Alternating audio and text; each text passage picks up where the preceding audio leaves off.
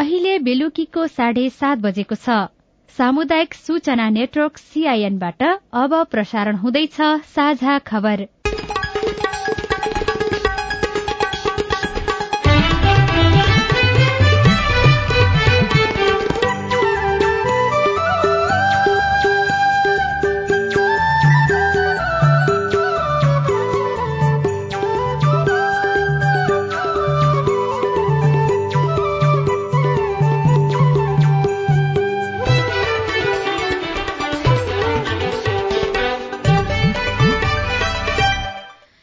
सीआईएनको साझा खबरबाट सोभिता रिसालको नमस्कार। साझा खबर देशभरिका सामुदायिक radio CIN Khabar dot com सीआईएनको फेसबुक पेज र मोबाइल एप सीआईएनमा पनि सुन्न सकिन्छ।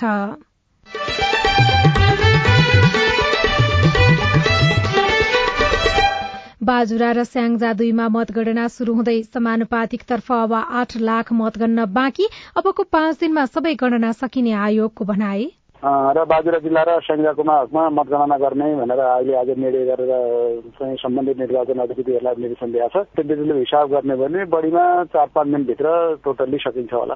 दलहरू सरकार निर्माणको अनौपचारिक छलफलमा केन्द्रित कांग्रेसका महामन्त्री थापा संसदीय दलको नेता बन्ने कोशिशमा मध्य प्रदेशमा कांग्रेस र एमाले दुवै दल सरकार बनाउने कसरत गर्दै। होइन सरकार त अब गठन गर्नुपर्छ। सरकारको तयारीमा हामी लागिरहेछौँ। छलफल सुरु छ। हामी डेमोक्रेट एलायन्स बनाउने हो।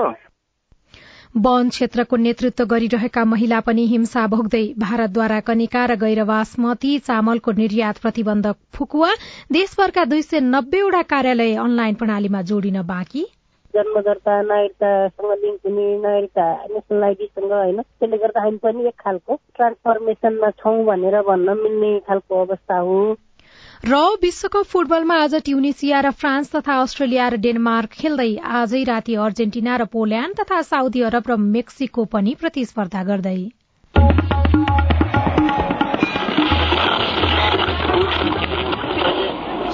रेडियो। हजारौं रेडियो कर्मी र करोड़ौं नेपालीको माझमा यो हो सामुदायिक सूचना नेटवर्क सीआईएन यसपटकको निर्वाचनबाट प्रतिनिधि सभा र प्रदेश सभामा लैंगिक तथा अल्पसंख्यक समुदायका नागरिक चुनिएनन्। चुनाव जितेर आउनु त टाढाको कुरा। नागरिकता बनाउन र मताधिकार प्रयोग गर्नकै लागि पनि यो समुदायका नागरिकले शास्ति खेप्नु परेको छ। राजनीतिक मात्रै होइन शिक्षा स्वास्थ्य र रोजगारीको क्षेत्रमा पनि यो समुदायका नागरिकलाई सकस छ। अब नीतिगत रूपमा नै लैंगिक तथा अल्पसंख्यक समुदायका नागरिक स्वतन्त्रतापूर्वक बाँच्न पाउने हकको प्रत्याभूत गराउनुपर्छ। अब खबर सुशीला श्रेष्ठबाट निर्वाचन आयोगले बाजुरा र स्याङ्जा दुईमा मतगणना शुरू गर्न निर्देशन दिएसँगै अब दुवै स्थानमा मतगणनाको तयारी शुरू भएको छ। आयोगको आज बसेको बैठकले स्याङ्जा दुई र बाजुरामा मंगिर चार गते भएको निर्वाचनलाई नै सदर गर्दै मतगणना शुरू गर्न सम्बन्धित निर्वाचन अधिकृतको कार्यालयहरूलाई निर्देशन दिएको हो। स्याङ्जा दुईमा आज राति नै नौ बजेदेखि मतगणना हुने भएको छ। आयोगको निर्देशनपछि बसेको सर्वदलीय बैठकले राति नौ बजेदेखि मतगणना गर्ने निर्णय गरेको हो। नेकपा एमाले विभिन्न केन्द्रमा बुथ कब्जा भएको भन्दै पुनः मतदानको माग गरेको थियो। नेपाली कांग्रेसले भने मतगणना गर्नुपर्ने माग गर्दै निर्वाचन अधिकृतको कार्यालयमा धरना दिएको थियो। यो क्षेत्रमा नेकपा एमालेबाट सचिव पद नेपाली नेकपा एमालेबाट सचिव पद्मा अर्याल नेपाली कांग्रेसबाट उपसभापति धनराज गुरूङ राष्ट्रिय स्वतन्त्र पार्टीबाट टिक राज गुरूङ लगायत उम्मेद्वार रहेका छन्। आयोगको निर्देशनपछि बाजुरामा पनि सर्वदलीय बैठक बस्ने तयारी भइरहेको छ। अब केही बेरमा सर्वदलीय बैठक बसेर यसबारेमा निर्णय हुने तयारी भइरहेको बाजुराबाट रेडियो बुढी नन्दाले खबर पठाएको छ। स्याङ्जा दुईको चापाकोट नगरपालिकाका चारवटा मतदान केन्द्रमा नेपाली कांग्रेसले बुथ कब्जा गरेको भन्दै नेकपा एमाले सहित अन्य राजनीतिक दलहरूले पुनः मतदानको माग गरेका थिए।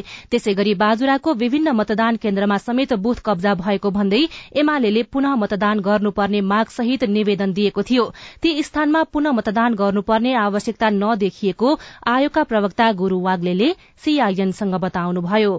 बाजुरा र सङ्घ जिल्लाको हकमा केही मतदान केन्द्रको मतदानको विषयलाई लिएर अब विवाद उत्पन्न भएको विषय आयोगमा प्राप्त भएको थियो। आयोगले अब तत् सम्बन्धमा चाहिँ सत्य तथ्य छानबिन गरेर प्रतिवेदन पेश गर्न भनेर टोली खटाएको र टोलीले प्रतिवेदन दिइसकेपछि त्यो प्रतिवेदन समेतको आधारमा पुनः मतदान गर्नुपर्ने अवस्था नदेखिएकोले चाहिँ मतगणना गर्ने भनेर आयोगले निर्णय गरेर निर्देशन दिएको हो। यो स्याङ्जा र बाजुरामा चाहिँ पुनः मतदान गर्नुपर्ने अवस्था नरहेको भनेर आयोगले के के कारण पहिल्याएको छ त? होइन त्यो कारणतिर भन्दा पनि आयोगले गणना गर्नुपर्ने औचित्य देख्यो। त्यो आधारमा गणना गर्ने भनेर निर्देशन गरे। अब कहिलेसम्म सकिन्छ होला मतगणना गरेर? अब दोलखा जिल्लाको अब त्यो मतदान स्थगित भएको ठाउँमा चाहिँ पुनः मतदान हुने कार्यक्रम छ भोलि। त्यो हिसाब गर्ने भने बढीमा चार पाँच दिनभित्र टोटल्ली सकिन्छ होला। प्रतिनिधि सभामा प्रत्यक्षतर्फ एक सय पैसठी क्षेत्रमध्ये एक सय एकसठी क्षेत्रको परिणाम सार्वजनिक भइसकेको छ। सुनसरी क्षेत्र नम्बर चार स्याङ्जा क्षेत्र नम्बर दुई दोलखा र बाजुराको परिणाम आइसकेपछि आयोगले सेन्ट लग सूत्र अनुसार दलहरूले बुझाएको अन्तिम बन्द सूचीबाट समानुपातिकमा पाउने स्थान अर्थात संख्या निर्धारण गर्नेछ। दोलखाका दश मतदान केन्द्रमा भोलि पुनः मतदान हुँदैछ। आयोगका अनुसार अब समानुपातिक तर्फ करिब आठ लाख मतगणना बाँकी रहेको छ। आयोगको प्रारम्भिक विवरणमा एकसठी प्रतिशत अर्थात एक करोड़ नौ लाख तिरहत्तर हजार सत्ताइस मत खसेकोमा अब करिब आठ लाख मतगणना बाँकी रहेको आयोगले जनाएको हो। आयोगको पछिल्लो अध्यावधिक विवरण अनुसार अहिलेसम्म प्रमुख प्रतिपक्षी दल नेकपा एमालेको अग्रता कायमै रहेको छ। हालसम्म एमाले सत्ताइस लाख बीस हजार छ सय उनाचालिस मत प्राप्त गरेको छ भने नेपाली कांग्रेसले पच्चीस लाख पचहत्तर हजार हजार तीन सय नब्बे मत सहित दोस्रो स्थानमा रहेको छ। माओवादी केन्द्रले एघार लाख त्रिपन्न हजार चार सय त्रिचालिस मत पाएको छ भने राष्ट्रिय स्वतन्त्र पार्टीले एघार लाख चार हजार एक सय बैसठी मत पाएको छ। राष्ट्रिय प्रजातन्त्र पार्टीले पाँच लाख पचहत्तर हजार तेह्र जनता समाजवादी पार्टीले चार लाख आठ हजार नौ सय एक्काइस र जनमत पार्टीले तीन लाख छयत्तर हजार एक सय साठी मत प्राप्त गरेका छन्। एकीकृत समाजवादीले भने हालसम्म दुई लाख नब्बे हजार एक सय छयानब्बे मत पाएको छ। यो कुल गणना गरेको मतको दुई दशमलव आठ पाँच प्रतिशत मात्रै हो। निर्वाचनको मत परिणाम अन्तिम अवस्थामा पुगेसँगै दलहरूले सरकार बनाउने गरी अनौपचारिक छलफल पनि शुरू गरेका छन्। संविधानमै संसदीय दलको नेता प्रधानमन्त्री बन्न सक्ने व्यवस्था भएका कारण नेताहरू संसदीय दलको नेता बन्नको लागि पनि प्रयासरत देखिएका छन्। नेपाली कांग्रेसका महामन्त्री गगन थापाले संसदीय दलको नेता बन्नको लागि पहल गरिरहनु भएको छ। महामन्त्री थापालाई संसदीय दलको नेता बनाई प्रधानमन्त्री बनाउन अर्का महामन्त्री विश्व प्रकाश शर्माले पनि अभियान चलाइ अभियानमा लाग्नु भएको छ। दुई नेतामा आज मात्रै पनि प्रधानमन्त्रीको लागि भावी योजनाको बारेमा छलफल भएको छ। महामन्त्री थापाले यसअघि उम्मेद्वारी दिँदा नै आफू संसदीय दलको नेताको रूपमा चुनाव लड्ने र प्रधानमन्त्रीमा दावी गर्ने बताउनु भएको थियो। कांग्रेसभित्र युवा पंक्तिमा गगन थापालाई प्रधानमन्त्री बनाउनु पर्ने आवाज बढ़दै गएको छ तर पाका पुस्ताले भने गगन प्रधानमन्त्री बन्ने समय आई नसकेको बताउने गरेका छन्। आज काठमाण्डुमा आयोजित कार्यक्रममा पनि महामन्त्री थापाले आफू संसदीय दलको निर्वाचनमा केन्द्रित रहेको बताउनु भएको छ। समानुपातिक तर्फको मतगणनाको अन्तिम नतिजा आउन बाँकी छ तर मध्य प्रदेशका प्रमुख दुई दलले नयाँ सरकार गठनको कसरत शुरू गरेका छन्। मध्य प्रदेश सभामा पहिलो दल बनेको एमाले र दोस्रो दल कांग्रेसले सरकार गठनका लागि अन्य दलहरूसँग छलफल शुरू गरेका छन्। कांग्रेसका मध्य प्रदेश सभापति तथा रौतहटबाट प्रदेश सभा सदस्यमा निर्वाचित कृष्ण यादवले सरकार गठनका लागि सत्ता गठबन्धनका दलहरूसँग छलफल अघि बढ़ाएको बताउनु भएको छ। मधेसमा सत्ता गठबन्धनका दलहरूमा कांग्रेस पहिलो दल भएकाले सरकारको नेतृत्व आफ्नो पार्टीले नै पाउने उहाँले सीआईएनसँग बताउनुभयो। होइन सरकार त अब गठन गर्नुपर्छ सरकारको तयारीमा हामी लागिरहेछौँ। छलफल सुरु छ। हामी डेमोक्रेट एलायन्स बनाउने हो। त्यसमा हाम्रो गठबन्धन हाम्रो छँदैछ। अनि त्यस बाहेक पनि जनमतसँग पनि कुरा गर्दैछौँ र संघीय समाजवादीसँग पनि कुरा गर्दैछौँ। अब काङ्ग्रेसकै नेतृत्वमा हो। अब मेरो पनि दावी छ। हामी ढुक्क छौँ हाम्रो सरकार बन्छ। तर यसपटकको निर्वाचनमा पहिलो दल बनेको एमाले आफ्नो नेतृत्वमा सरकार गठनका लागि छलफल शुरू गरिसकेको छ। जनमत पार्टीले पनि अबको मध्य प्रदेशको मुख्यमन्त्री चाहिँ आफ्नो पार्टीले पाउनुपर्ने दावी पनि गरिरहेको छ। यस्तोमा कांग्रेसको नेतृत्वको सरकार बन्न कति सम्भव देख्नुहुन्छ? स्वाभाविक हो सबले आफ्नो दावी गर्नु स्वाभाविक हो तर हामी छलफलमा छौँ। सबलाई समेटेर हामी जाने हो। काङ्ग्रेसकै नेतृत्वमा हुन्छ? यादवले आफूलाई नै भावी मुख्यमन्त्रीका रूपमा प्रस्तुत गर्नु भएको छ। एमालेका नेता तथा महोत्तरीबाट प्रदेश सभा सदस्यमा निर्वाचित सरोज कुमार यादवले पनि विपक्षी गठबन्धन तर्फबाट सरकार गठनका लागि छलफल शुरू गरेको बताउनु भएको छ। यादवले एमाले भित्र मुख्यमन्त्रीको दावेदारका रूपमा आफूलाई प्रस्तुत गर्नु भएको छ तर मध्य प्रदेशको सरकार निर्माणमा निर्णायक मानिएको जनमत पार्टीले मुख्यमन्त्री आफूले पाउनुपर्ने दावी गरिरहेको छ। एक सय सात सीट रहेको मध्य प्रदेश सभामा सरकार निर्माणका लागि चौवन्न सीट आवश्यक पर्छ। मध्य प्रदेशमा वाम लोकतान्त्रिक गठबन्धन र एमाले सहितको गठबन्धनमा आबद्ध दलले मात्रै सरकार बनाउन कठिन देखिएको छ। व्यक्तिगत घटना दर्तामा अनिवार्य अनलाइन प्रणाली लागू गरिएपछि नेपालका छ हजार चार सय पैंतिसवटा वड़ा कार्यालयमा यो व्यवस्था कार्यान्वयनमा आएको छ। राष्ट्रिय परिचय पत्र तथा पंजीकरण विभागले दुई हजार छयत्तर सालदेखि व्यक्तिगत घटना दर्ताका लागि अनिवार्य रूपमा अनलाइन प्रणाली प्रयोग गर्न निर्देशन दिएको थियो। जन्म मृत्यु विवाह बसाई सराई जस्ता घटना दर्तापछि मात्रै राज्यसँग व्यक्तिको कानूनी सम्बन्ध जोडिने भन्दै विभागको पंजीकरण शाखाका निर्देशक मीना अर्यालले त्यसलाई व्यक्तिगत विवरणलाई सुरक्षित सुरक्षित बनाउन अनलाइन प्रणाली अनिवार्य गरिएको सीआईएनसँग बताउनुभयो। पहिला चाहिँ हाम्रो पेपर बेस थियो होइन? अनि धेरै त्यहाँ चाहिँ सच्याउने भनौँ न एकदम गलत विवरणहरू पनि होइन। गर्ने आफ्नो मन लागि जनताले दुःख पाएको त्यस्तो थियो। अहिले चाहिँ अब सही विवरण आएको हुन्छ अनलाइनमा आउँदाखेरि र अब हाम्रो यो अहिलेको जमानै डिजिटल युग भयो होइन। र सबै सर्भिसहरू यसरी दिँदाखेरि अब यो चाहिँ भोलि गएर यो जन्म दर्ता नागरिकतासँग लिङ्क हुने नागरिकता नेसनल आइडीसँग होइन त्यसले गर्दा हामी पनि एक खालको ट्रान्सफर्मेसनमा छौँ भनेर भन्न मिल्ने खालको अवस्था हो। साझा खबरमा अब विदेशको खबर। अफगानिस्तानको सामाङ्गन प्रान्त स्थित एक मदरसामा विस्फोट हुँदा पन्ध्र जनाको मृत्यु भएको छ। सामाङ्गन प्रान्तको ऐबक शहरमा जियादिया नामक मदरसामा भएको विस्फोटमा परि सत्ताइस जना घाइते भएका छन्। दिउँसोको समयमा नमाज अर्थात प्रार्थनाका लागि मदरसामा मानिसहरू भेला भएको बेला घटना भएको बीबीसीले लेखेको छ। साझा खबरमा अब खेल खबर। उन्नाइस वर्ष मुनिको राष्ट्रिय क्रिकेट प्रतियोगितामा मध्य प्रदेशलाई पराजित गर्दै सुदूरपश्चिम प्रदेश एक खेल अगावै फाइनलमा पुगेको छ। फाइनलमा स्थान सुरक्षित गर्ने क्रममा सुदूरपश्चिमले मधेसलाई सात विकेटले पराजित गरेको हो। नेपाली क्रिकेट राष्ट्रिय क्रिकेट टीमका तीव्र गतिका बलर सोमपाल कामीको एक दिवसीय बलिङ वरियतामा सुधार भएको छ। अन्तर्राष्ट्रिय क्रिकेट परिषद आईसीसीले अपडेट गरेको नयाँ वरियतामा सोमपाल दुई स्थान माथि उक्लिँदै तिरानब्बे स्थानमा रहनु भएको छ। विश्वकप फुटबल विशेष। कतारमा जारी फिफा विश्वकप फुटबल दुई हजार बाइस अन्तर्गत आज चारवटा खेलहरू हुँदैछन् जसमा समूह सी र समूह डी का खेलहरू हुनेछन्। पहिलो खेलमा समूह डीमा रहेका ट्युनेसिया र फ्रान्स तथा अस्ट्रेलिया र डेनमार्क बीच प्रतिस्पर्धा हुनेछ। दुवै खेल नेपाली समय अनुसार बेलुका पौने नौ बजे शुरू हुनेछ। यस समूहबाट फ्रान्स यस अघि नै नकआउट चरणमा पुगिसकेको छ। आजै समूह सीमा रहेका अर्जेन्टिना र पोल्याण्ड तथा साउदी अरब र मेक्सिको बीच खेल हुँदैछ। दुवै खेल नेपाली समय अनुसार राति पौने एक बजे हुनेछ। सुशीला श्रेष्ठ।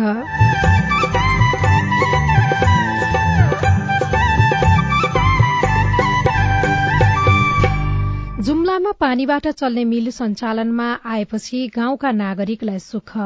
पेट्रोलको मूल्य एकदमै हाई हुँदाखेरि मैले चाहिँ यसो पानीबाट हुन सक्छ कि भन्ने सोच राखेँ। त्यस पछाडि प्रयास पनि गरेँ आफै ट्राई गरेर एकदम जोड्दा बित्तिकै सफल भयो। सस्तो पनि रिपोर्ट। मध्य प्रदेशका आठै जिल्ला पूर्ण साक्षर बन्न बाँकी तर बयानब्बे प्रतिशत साक्षरता रहेको महोत्तरीको एउटा गाउँको कथा लगायतका विशेष सामग्री बाँकी नै छ। सीआईएनको साझा खबर सुन्दै गर्नुहोला। बीएससी फरेस्टीमा भर्ना फारम भर्ने म्याद बढ़ाइएको सूचना।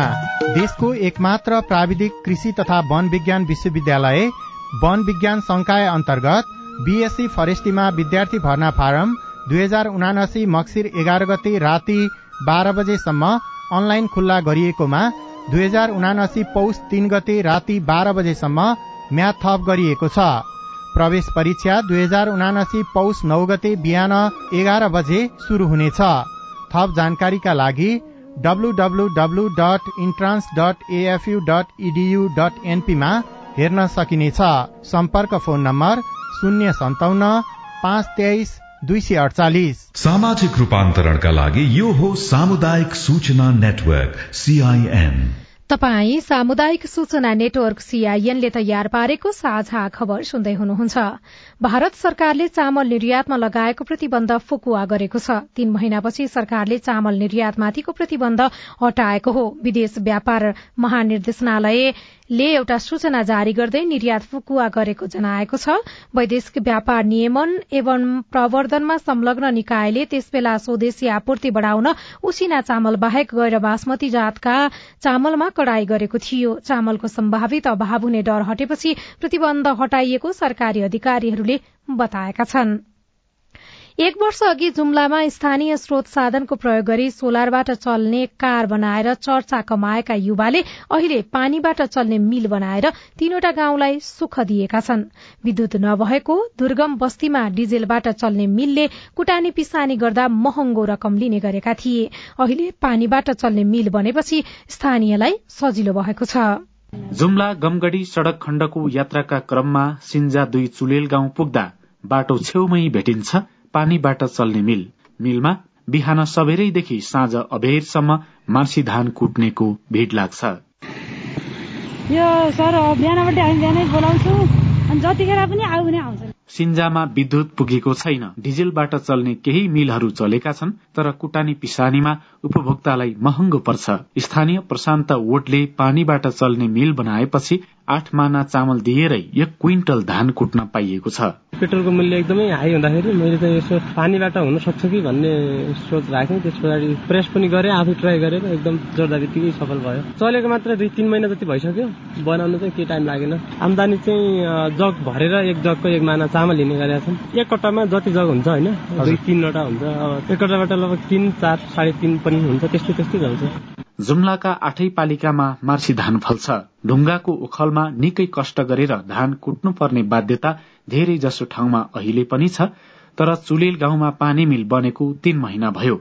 त्यस यता चुलेल गाउँ नराकोट र अवस्थी बाडाका स्थानीयले कुटानी पिसानीमा सुख पाएका छन्। सिन्जा दुईका तारा आचार्य। यो पहिला तेलमा चल्ने बेला अब हामीले एकदम महँगोमा तिर्थ्यौँ। त्यतिखेर अब पसिना बगाएर कुद्नु पर्थ्यो हातमा कपडा उठ्थे मुख रातो रातो हुन्थ्यो अब पुरा ज्यान दुख्थ्यो। अहिले त एकदम सजिलो भयो।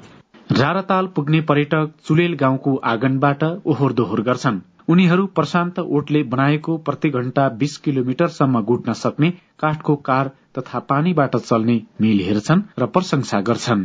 काठको गाडी र पानीबाट चल्ने मिल बनाउनु चाहिँ यो सामान्य कुरा होइन। यस्ता सिपको चाहिँ राज्यले संरक्षण गर्नुपर्छ भन्ने लाग्छ मलाई। युट्युब हेरेरै कार र पानीबाट चल्ने मिल बनाएका प्रशान्त गाउँलेलाई खेती किसानीमा सहयोगी हुने गरी प्रवृत्तिको विकास गर्ने सोचमा हुनुहुन्छ। मान बहादुर कुँवर सीआईएन रेडियो खुल्ला आकाश जुम्ला। साझा खबरमा अब हेलो सीआईएन अविनाश आचार्यबाट।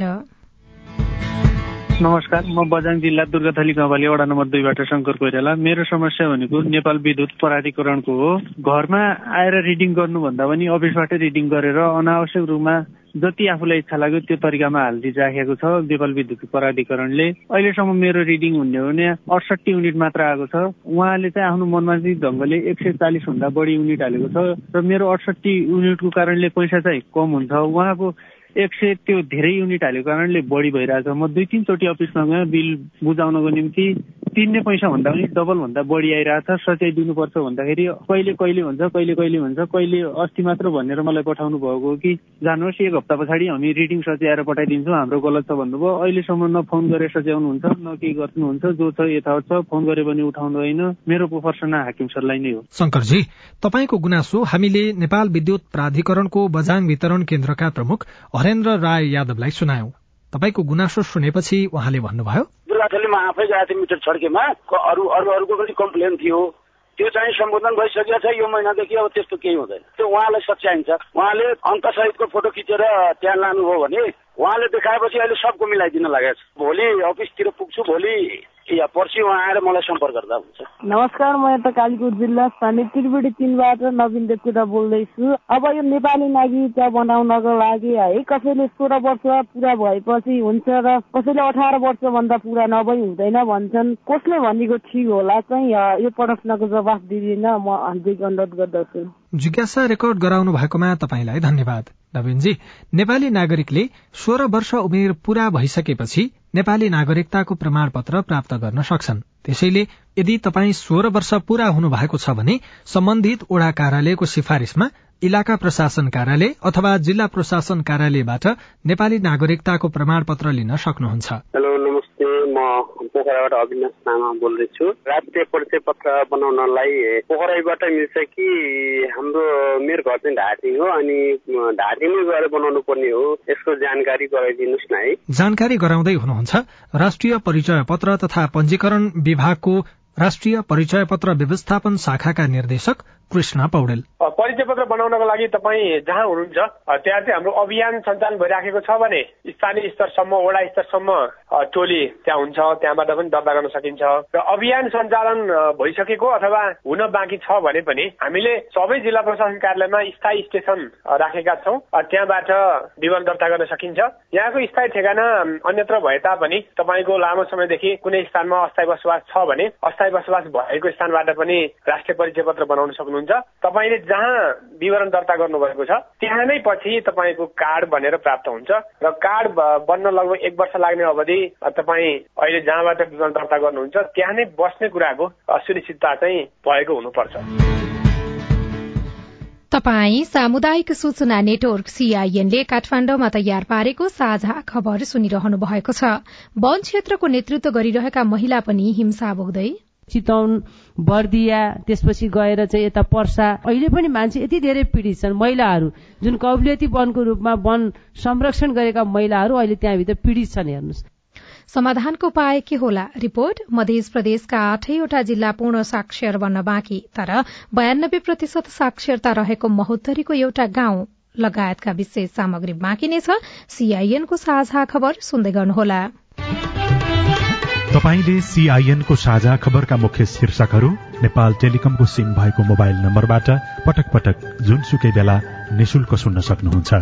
तीन दुई एक शून्य शून्य डायल गर्नुहोस् र दैनिक समाचार स्वास्थ्य कोविड उन्नाइस कृषि मौसम प्रकोप र अधिकारका बारेमा पनि निशुल्क सुन्नुहोस्।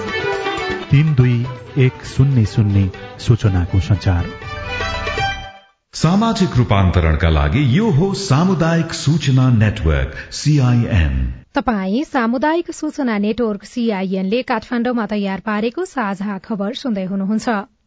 सामुदायिक वन उपभोक्ता महासंघका अनुसार करिब नेपालमा एघार सय सामुदायिक वन महिलाको नेतृत्वमा सञ्चालन भइरहेका छन्।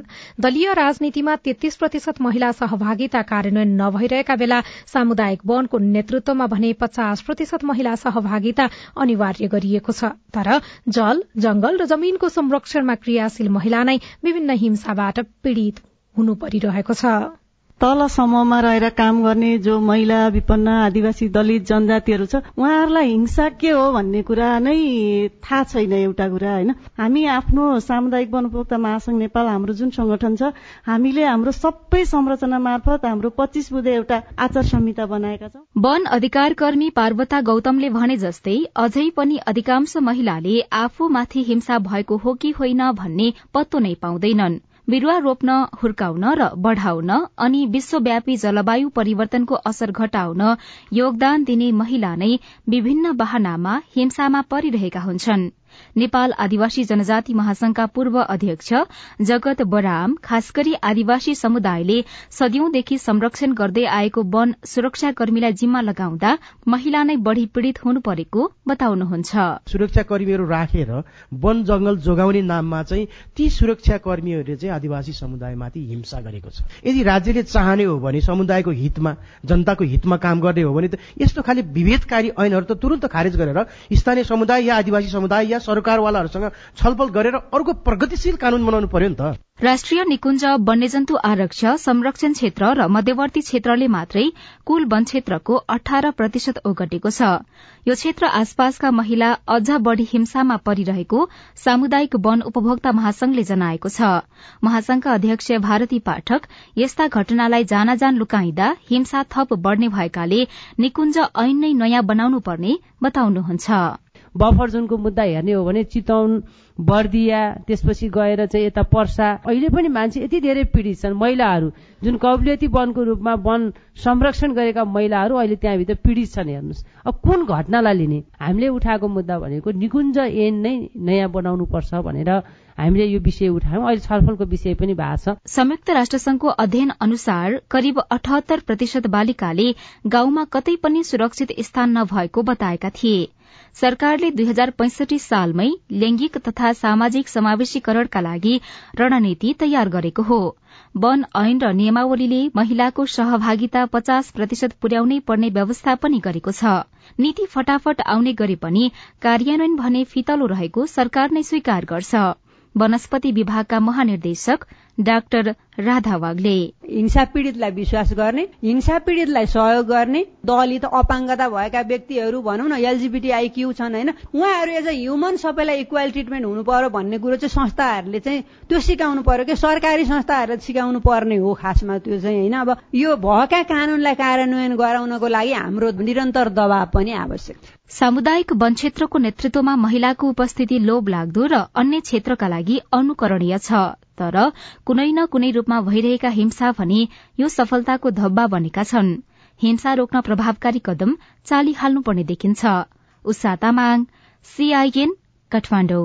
साक्षरताको हिसाबले मध्य प्रदेश सबैभन्दा कमजोर प्रदेश हो। शिक्षा तथा मानव स्रोत विकास केन्द्रका अनुसार मध्य प्रदेशका आठ मध्ये कुनै पनि जिल्ला पूर्ण साक्षर घोषणा हुन सकेका छैनन्। तर महोत्तरी जिल्लाको एउटा गाउँको साक्षरता दर बयानब्बे प्रतिशत छ। महोत्तरीको जलेश्वर नगरपालिकाबाट डेढ किलोमिटरको दूरीमा पर्छ सुगा गाउँ जहाँको सुखदेव माध्यमिक विद्यालयमा बाल बालिका पढ़िरहेका छन्। यही विद्यालयबाट माध्यमिक तह पूरा गरी अहिले स्नातक तहमा अध्ययन गरिरहनु भएका निशा कुमारीको गाउँकै अन्य व्यक्ति जस्तै नाम कमाउने चाहना छ। सुगा गाउँ पहिलादेखि नै एकदमै शिक्षित गाउँ भनेर चिने गरिन्छ। गर्वको कुरा होइन। शिक्षित भएको कारणले हामीलाई पनि शिक्षित हुने राम्रो अवसरहरू मिलिरहेको हुन्छ। हामीलाई पनि इच्छा छ कि हामी पनि ठूलो मान्छे बनेर सबैलाई सेवा गरौँ शिक्षित हौ। हाल गैर सरकारी संस्थामा कार्यरत मनोज लालका बुबा गुन्जेश्वर लाल कर्ण नेपाल सरकारको सचिव भएर सेवानिवृत्त हुनुभयो भने उहाँका दाजु र भाइ पनि उच्च तहमै हुनुहुन्छ। उहाँका काका रत्नेश्वर लाल कायस्थ मध्य प्रदेशको प्रमुख बन्नुभयो। इन्जिनियरदेखि लिएर डाक्टरदेखि लिएर प्रदेश प्रमुखसम्म र सचिव पनि जागिर खानुभएको थियो गार्जियनहरूले। अरू केही गरे पनि नगरे पनि सुरुदेखि नै पढाउनमा रुचि राख्ने अरू जातमा त छँदैछ पहिलादेखि नै पढ्ने जनजाति दलित त्यसमा पनि पढ्ने स्तर चाहिँ बढेछ। पौराणिक कालमा सुखदेव नामक ऋषि गाउँमा बसोबास गर्दै आएकाले उहाँकै नामबाट यो गाउँको नाम सुगा राखिएको मान्यता छ। संस्कृतमा सुगा चरालाई सुक पनि भनिन्छ। उनै ऋषिको नामबाट राखिएको सुखदेव विद्यालयमा अध्ययन गरेर नेपाल सरकारका माथिल्ला तहमा पुगेका व्यक्ति घरै पिच्छे जसो भेटिन्छन्।